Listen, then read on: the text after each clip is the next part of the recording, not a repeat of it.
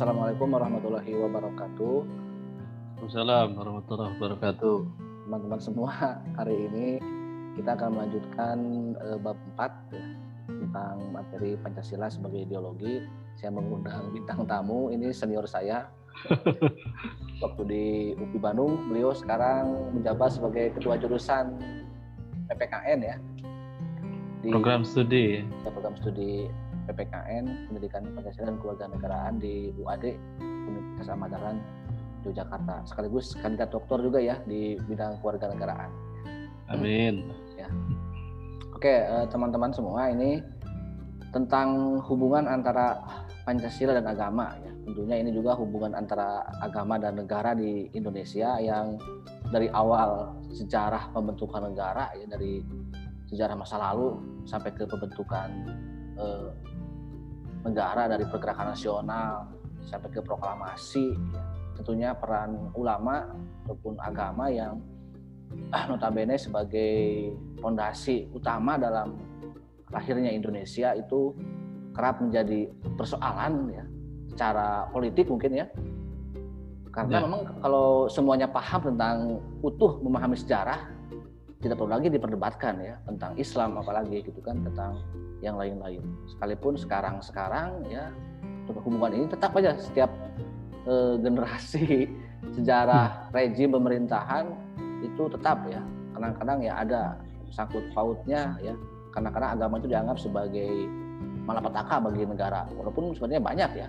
Ancaman ideologi itu bukan hanya agama. Kalaupun memang ada ya sedikit mungkin yang itu oknum dari kelompok yang berkepentingan tapi seolah-olah itu menggeneralisir ya semua kelompok agama, terutama yang tidak merapat mungkin ke kekuasaan itu dianggap sebagai ancaman yang berbahaya.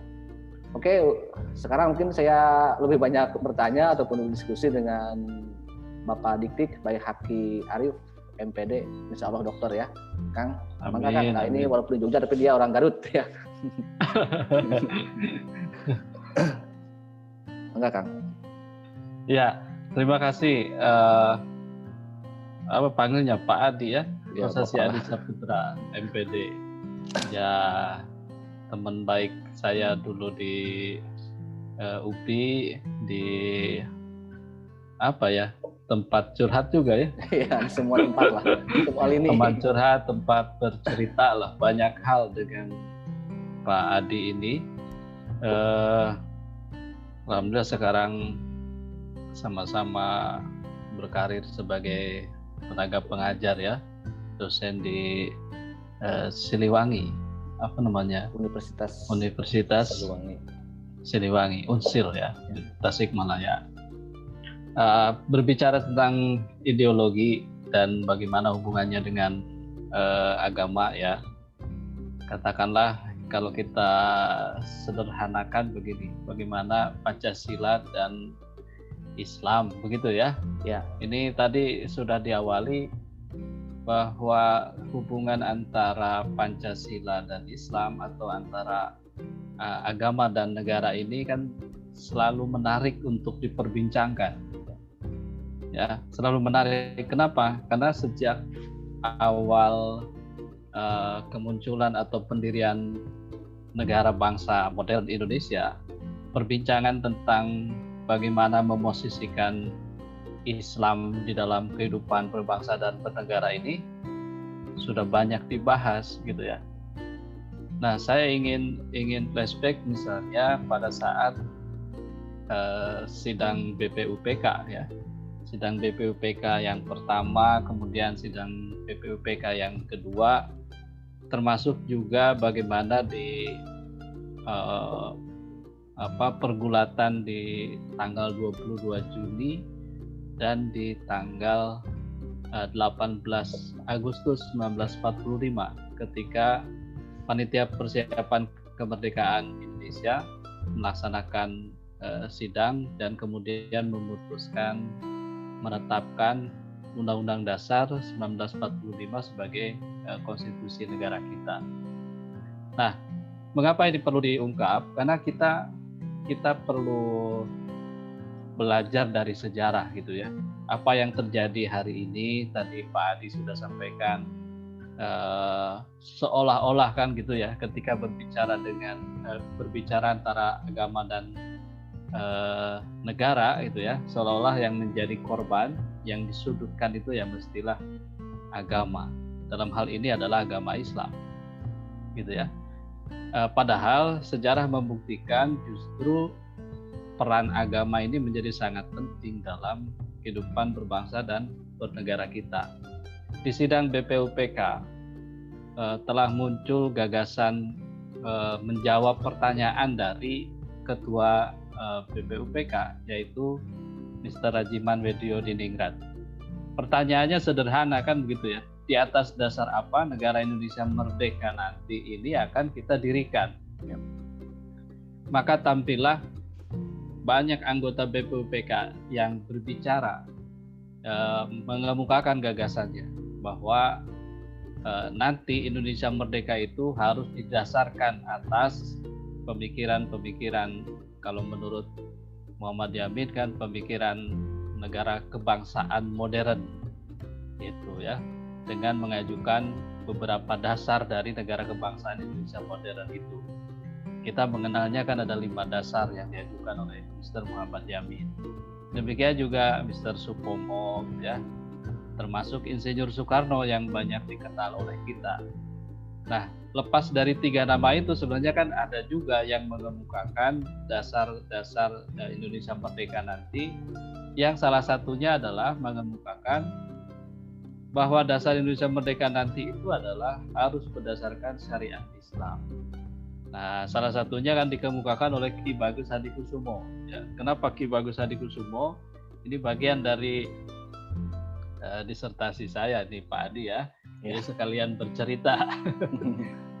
nah, Ki Bagus Adi Kusumo ini uh, salah satu tokoh uh, Muhammadiyah waktu itu karena dia adalah ketua pengurus besar Muhammadiyah yang sekaligus juga anggota BPUPK dan karena berlatar belakang eh, kauman di sini di Jogja yang kental sekali dengan uh, tradisi keberagamaannya yang kuat dan menahkodai Persyarikatan Muhammadiyah, maka gagasannya pun tidak lepas dari latar belakang uh, sosio-kultural keagamaan itu. Yang dikemukakan adalah bahwa dasar Indonesia merdeka nanti haruslah berdasarkan syariat Islam. Karena perjuangan uh, kemerdekaan bangsa Indonesia juga lebih banyak dilakukan oleh mayoritas masyarakat penduduk yang beragama Islam. Apakah serta merta itu langsung diterima? Ternyata tidak juga. Ya, gagasan itu tidak langsung diterima. Makanya hasil-hasil sidang BPUPK itu kan dibawa di tanggal 22 Juni kan gitu ya. ya. 22 Juni berkumpullah 9 orang anggota BPUPK dipimpin oleh Insinyur Soekarno kemudian di sana terjadi kompromi ya makanya uh, itu disebut uh, apa namanya keputusan besar permufakatan bersama uh, apa lahirnya piagam Jakarta. Ya atau Jakarta Charter kata uh, Muhammad Yamin sembilan orang itu kemudian menyepakati dari berbagai rumusan tentang dasar Indonesia Merdeka, maka dituangkan dalam mukadimah eh, Piagam Jakarta itu di alinea keempat bahwa Indonesia berdasar atas ketuhanan dengan kewajiban menjalankan syariat Islam bagi pemeluk-pemeluknya. Jadi pertanyaan dari ketua BPUPK tentang di atas dasar apa Indonesia merdeka nanti itu terjawab di Piagam Jakarta bahwa didasarkan atas ketuhanan dengan kewajiban menjalankan syariat Islam bagi pemeluk-pemeluknya. Terus yang selanjutnya kemanusiaan, beri kemanusiaan dan sampai keadilan sosial bagi seluruh rakyat Indonesia.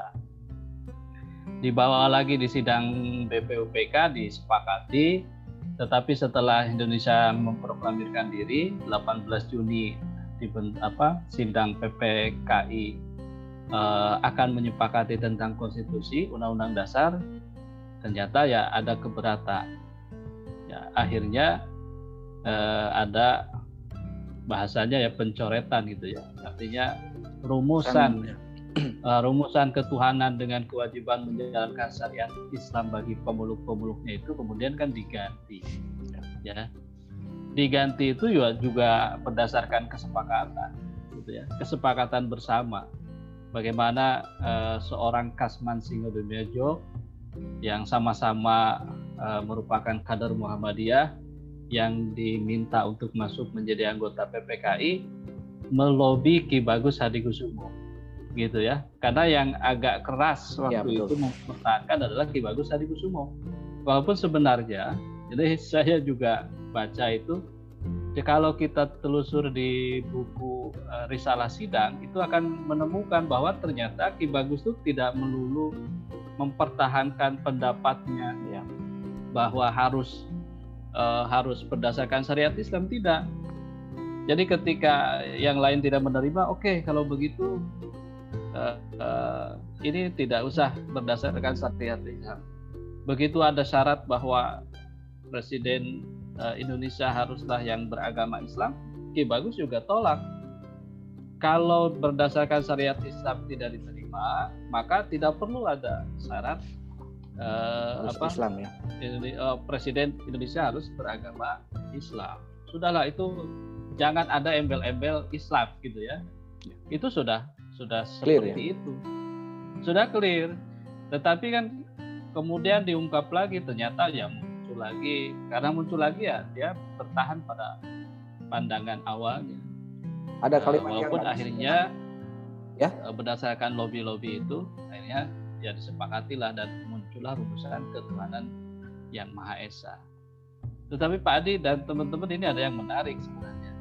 Uh, kalau hubungan uh, apa bahwa negara kita itu ya, negara kita itu dari awal dibentuk ya sebagai negara ya. Kalau sebagai ya. bangsa kan kita sudah paham betul bahwa bangsa kita itu sangat uh, religius sejak uh, masa-masa kerajaan Nusantara tetapi sebagai negara yang diproklamirkan 17 Agustus 45 itu kita tidak melepaskan diri dari konteks agama. Makanya di sila pertama itu sudah langsung ketuhanan yang Maha Esa.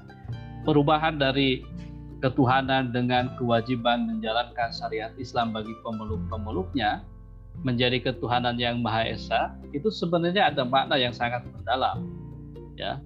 Misalkan eh, baik Ki Bagus sendiri atau Buya Hamka itu menafsirkannya eh, ada perubahan dari eh, Islam sebagai syariat ya menjadi eh, apa namanya perubahan sebagai dasar tauhid.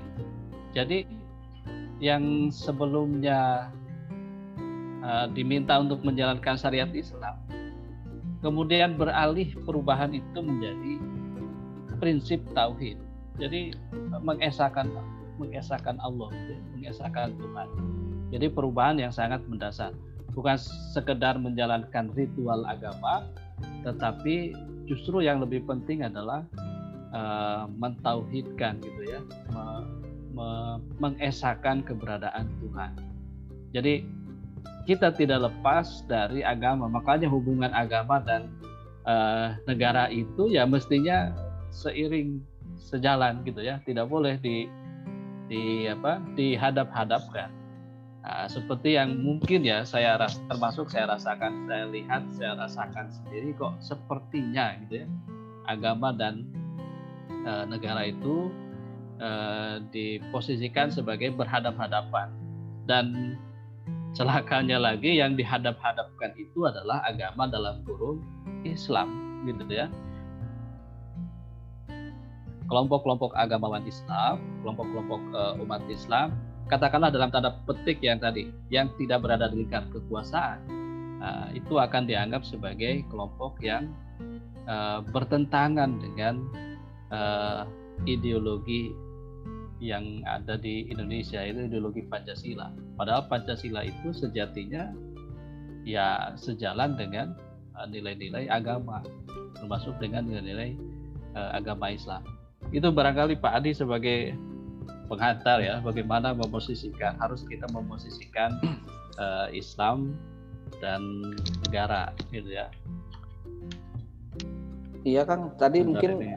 kalau berbicara ya. tokoh uh, Ki Bagus ya, saya juga pernah membaca sebuah tulisan bahwa alasan Ki Bagus ya ketika dalam tanda kutip itu bukan menerima mungkin ya menerima perubahan sila pertama itu alasan itu luar biasa kalimat itu ya.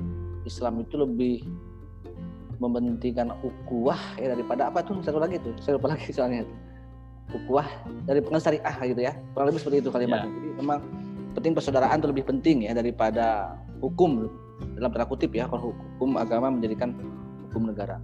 Tetapi kan dalam perjalanan sejarah ya Kang kalau konsep sebagai dasar negara ya itu kan sudah di, diulang lagi sebetulnya peristiwa 18 Agustus terulang lagi di konstituante gitu kan. Walaupun endingnya endingnya dari konstituante itu kan sebenarnya di dekret presiden ya. Dan kembali itu Bung Karno menyebutkan eh, piagam Jakarta. Jadi dalam konsiderannya kan ya eh, dikatakan ya. bahwa itu atas, atas, atas usulan Mas Yumi ya bahwa memang eh, kembali lagi ke Pancasila UUD 45 yang asli asalkan dengan eh, menjiwai dijiwai oleh Piagam Jakarta atau Syariat Islam. Sebenarnya itu sudah clear ya, keputusan final dari negara sudah sudah clear.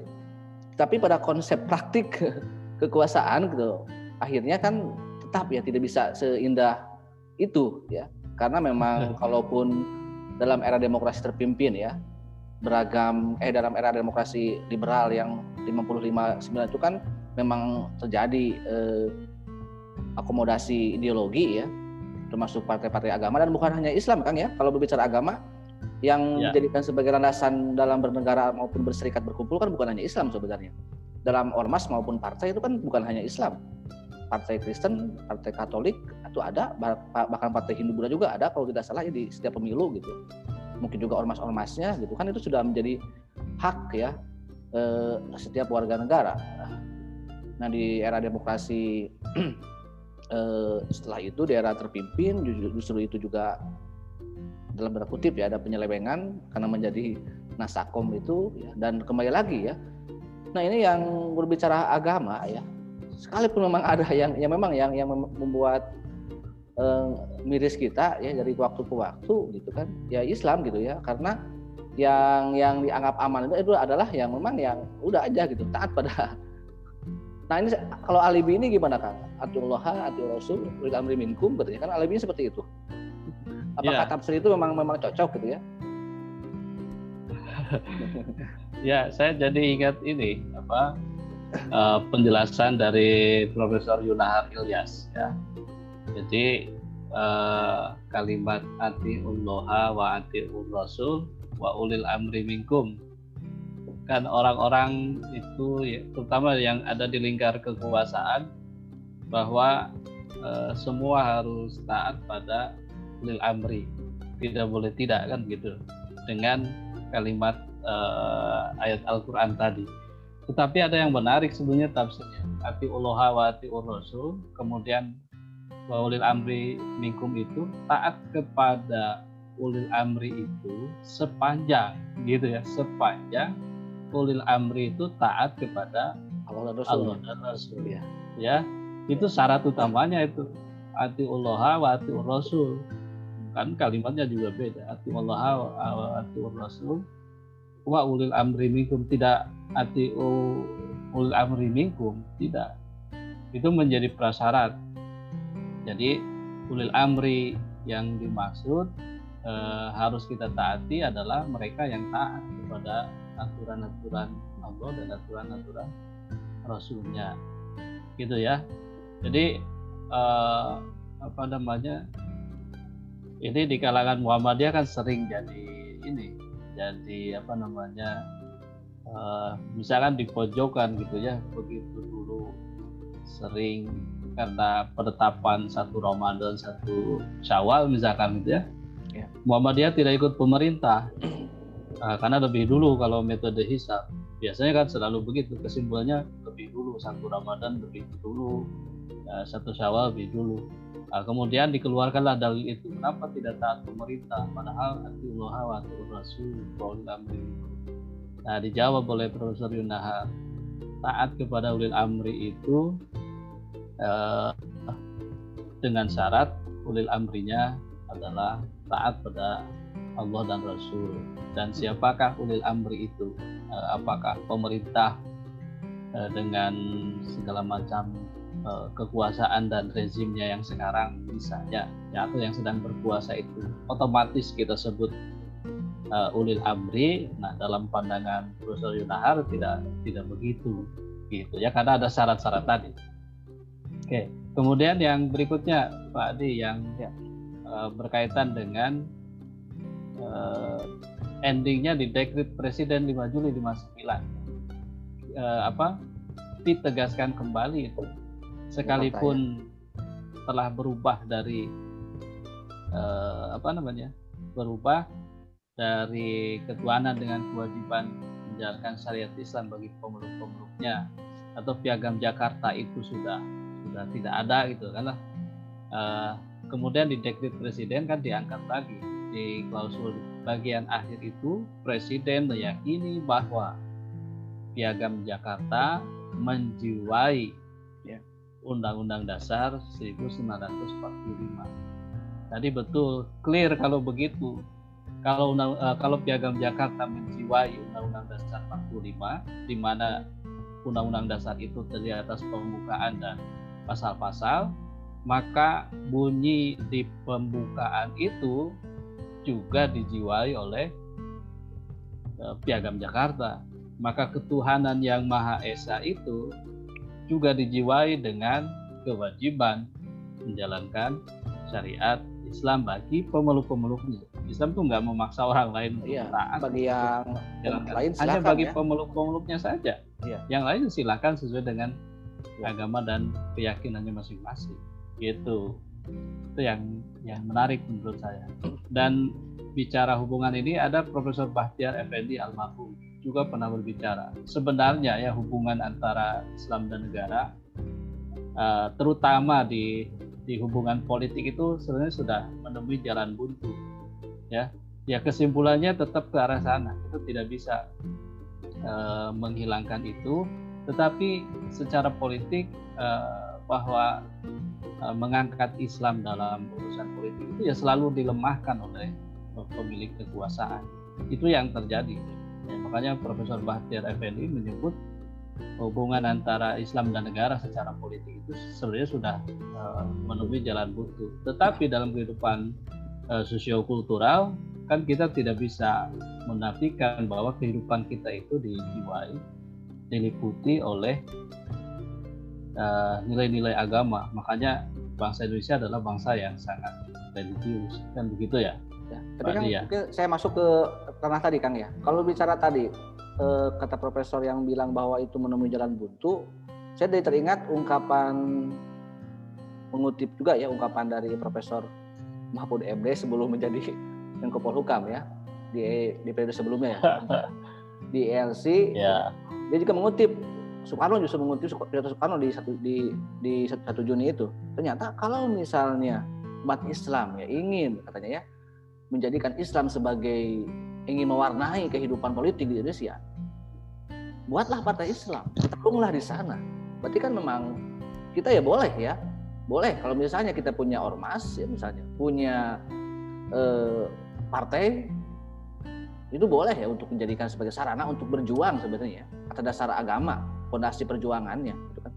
Kecuali yang dilarang kan ideologi yang dilarang ya yang tetap MPR itu kan ya kan dan ini semua Stalinisme, ya. sosialisme, komunisme itu yang dilarang. Nah kan mungkin masuk ke perbandingan tadi kan ya. Kalau kita melihat konteks ideologi dunia ya, kita bagaimana sih memposisikan Pancasila ya? Karena di belahan dunia kurang lebih dibagi tiga ya pandangan antara ideologi dan agama itu pandangannya. Yang pertama memang ada yang kalau yang mungkin yang lebih banyak sekarang dianut sekuler ya oleh orang-orang liberal.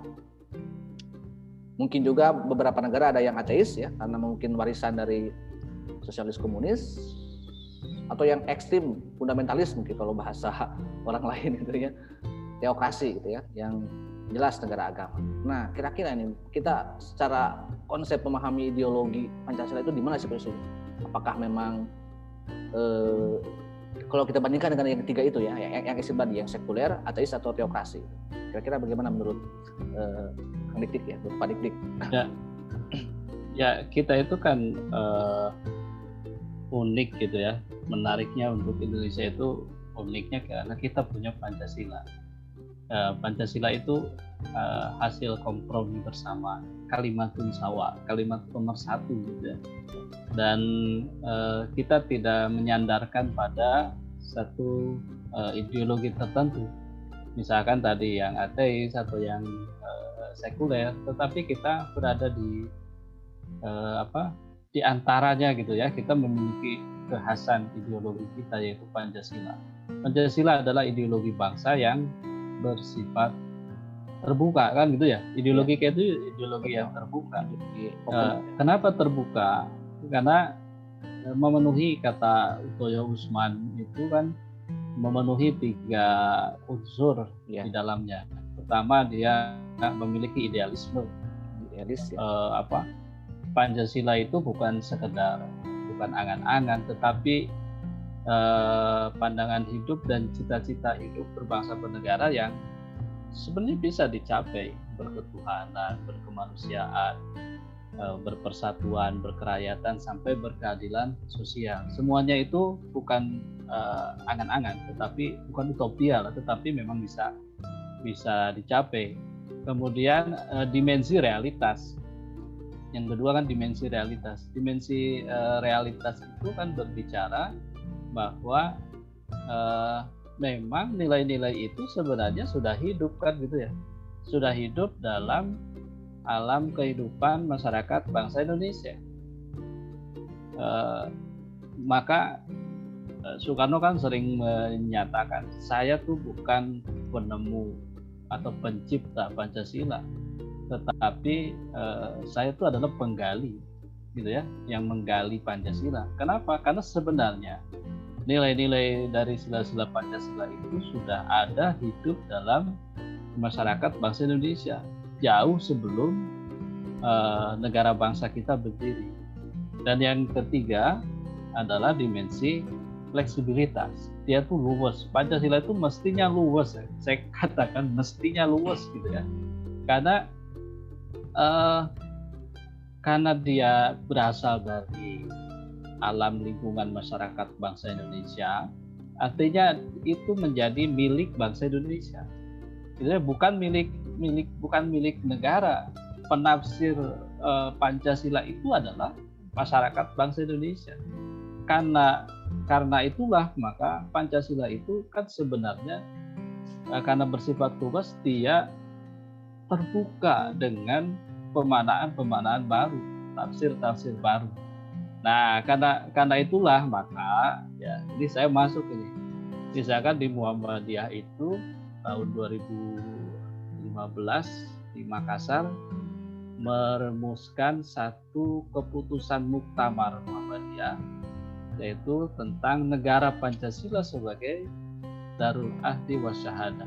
Itu tuh tafsir menurut menurut saya itu tafsir baru atas uh, Pancasila gitu ya. Bagaimana menjadikan atau memaknai Pancasila?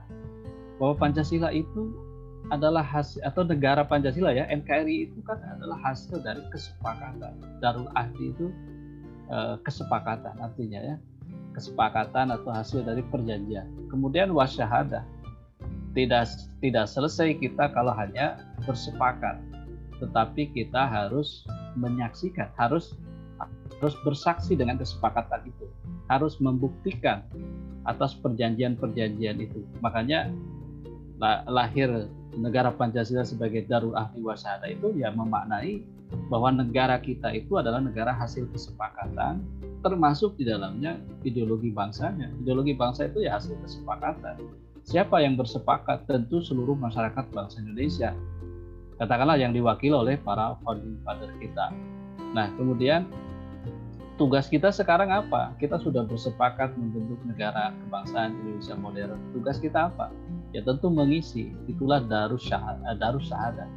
Mengisi eh, eh, perjanjian itu mengisi kesepakatan itu untuk membentuk atau mencapai tujuan bernegara ya sebagaimana diamanatkan dalam alinea keempat pembukaan Undang-Undang Dasar 45 itu dalam bahasa Muhammadiyah kan disederhanakan. Tujuan bernegara itu ya baldatun tayyibatun warabun gofur.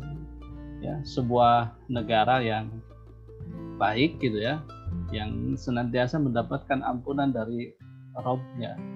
Itu tujuan ideal dari sebuah negara gitu ya.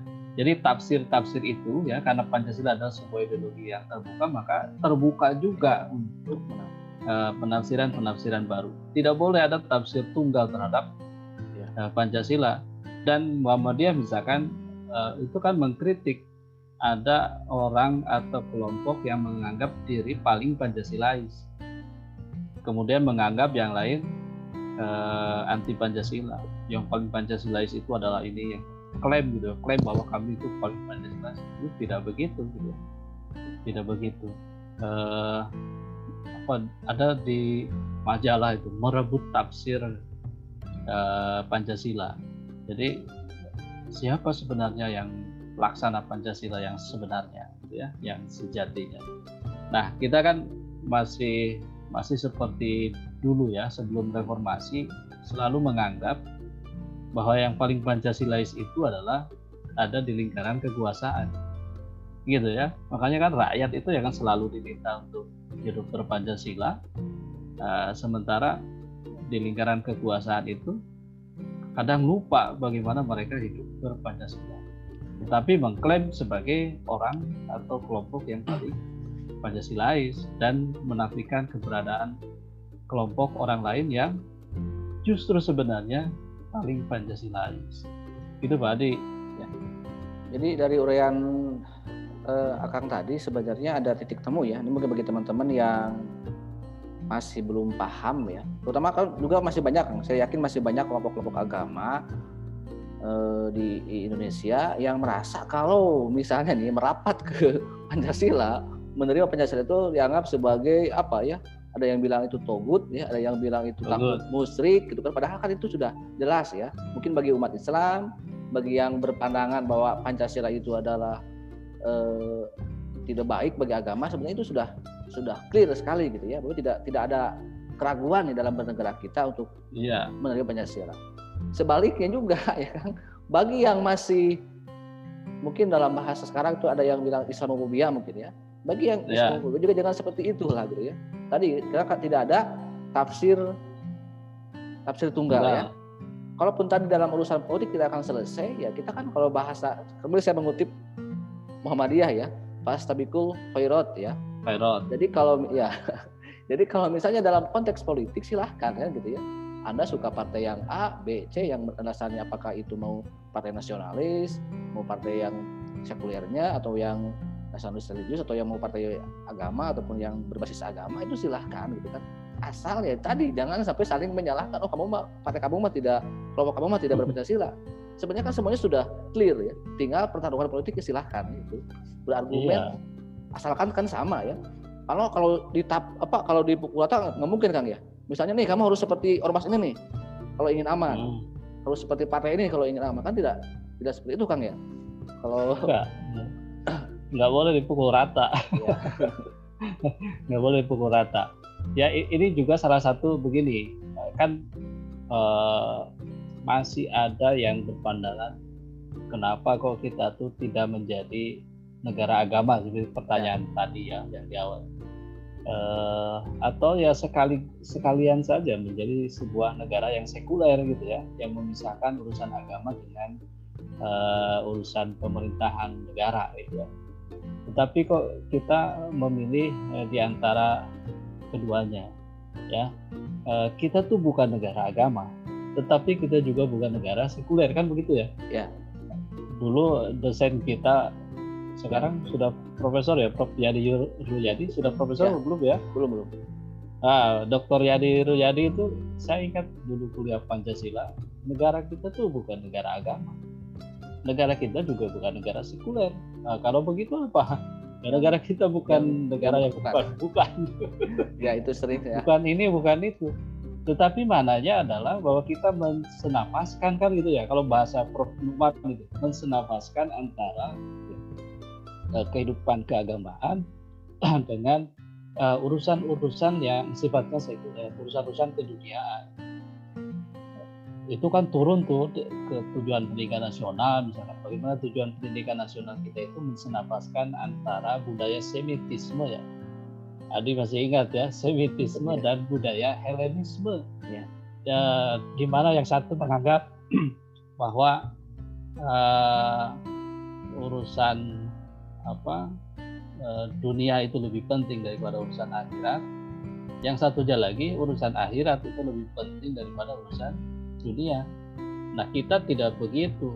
Kita senapaskan tuh dua pemikiran itu. Makanya lahirlah misalkan tujuan pendidikan nasional itu nomor satu adalah membentuk peserta didik menjadi manusia yang beriman dan bertakwa kepada Tuhan yang Maha Esa. Itu nomor satu berakhlak mulia. Baru ke sananya urusan-urusan keduniawian. Urusan nomor satunya urusan urusan akhirat. Dan kita juga ini ada pandangan yang menarik ya Eh, kenapa kok kita Pancasila tidak berdasarkan Islam, tidak berdasarkan syariat Islam? Kan ada kelompok-kelompok bahwa ya. kegagalan kita itu karena Pancasila. Gagal Dulu ketika ada uh, apa uh, asas tunggal Pancasila, ormas-ormas kan termasuk NU dan Muhammadiyah kan diminta untuk bisa menerapkan asas tunggal Pancasila itu. Di NU misalkan ada kesepakatan atau keputusan bahwa Eh, menerima Pancasila sebagai asas tunggal dengan catatan bahwa Pancasila itu bukan agama itu satu. Pancasila itu ya bukan agama. Jadi kalau mau disejajarkan dengan agama ya tentu bukan levelnya. Nggak level gitu ya. Pancasila bukan agama. Kemudian yang kedua, Pancasila disusun atau dibuat, dibentuk itu bukan untuk menjadi agama. Gitu. Atau bukan direncanakan untuk menjadi agama. Gitu ya dan yang ketiga Pancasila itu tidak akan jadi agama. Uh, gitu. Itu menarik menurut saya. Menerima asas tunggal karena Pancasila itu bukan agama, gitu ya. Nah, begitupun juga dengan uh, Muhammadiyah misalkan. Bagaimana mensikapi itu? Ya, mensikapi pemberlakuan asas tunggal. Makanya memaknai uh, Pancasila itu terutama di sila pertama itu sebagai atau kelima silanya itu sejalan dengan nilai uh, uh, agama gitu ya. Apalagi nomor satu menempatkan nomor satu eh, sebagai urutan yang pertama dalam sistem uh, filsafat kan itu sebagai kausa prima ya. Jadi ketuhanan itu kausa prima sebab utama yang mempengaruhi sila-sila yang berada di bawahnya itu. Semuanya harus berdasarkan nilai-nilai ketuhanan. Kalau keluar dari itu nggak mungkin kita bisa menjalankan kemanusiaan, persatuan, kerakyatan, bahkan keadilan sosial kalau tidak dilandasi oleh nilai-nilai ketuhanan. Ya, jadi uh, apalagi misalnya bahwa dia itu memandangnya begini, uh, kita tuh tidak perlu menjadi negara agama, gitu ya. Tetapi apa pun lah namanya, apa pun dasarnya, tetapi kehidupannya agamis gitu berlandaskan pada nilai-nilai agama. Daripada sebaliknya mendeklarasikan diri sebagai negara agama berideologikan agama ya tetapi dalam kehidupannya justru bertentangan dengan nilai-nilai agama. Gitu. Makanya Muhammadiyah dengan tegas Pancasila itu sebagai ideologi bangsa itu final. Sebagai dasar negara dan sebagai ideologi bangsa itu final dan harus diterima yang diperlukan adalah bagaimana memaknai, memberi tafsir dan melaksanakan eh, kesepakatan bersama itu agar dia benar-benar berkedudukan sebagai dasar negara dan pandangan hidup bangsa yang sejalan dengan nilai-nilai agama. Kayaknya begitu tuh, ya eh, pandangan-pandangan. Kalau saya pada kenapa tadi ngangkat banyak Muhammadiyah ya ini tanggung jawab moral ya. Eh, berkecimpung di amal usaha Muhammadiyah. Oke Kang, kita sudah masuk juhur ya di Tasik ini sudah ada. Ya.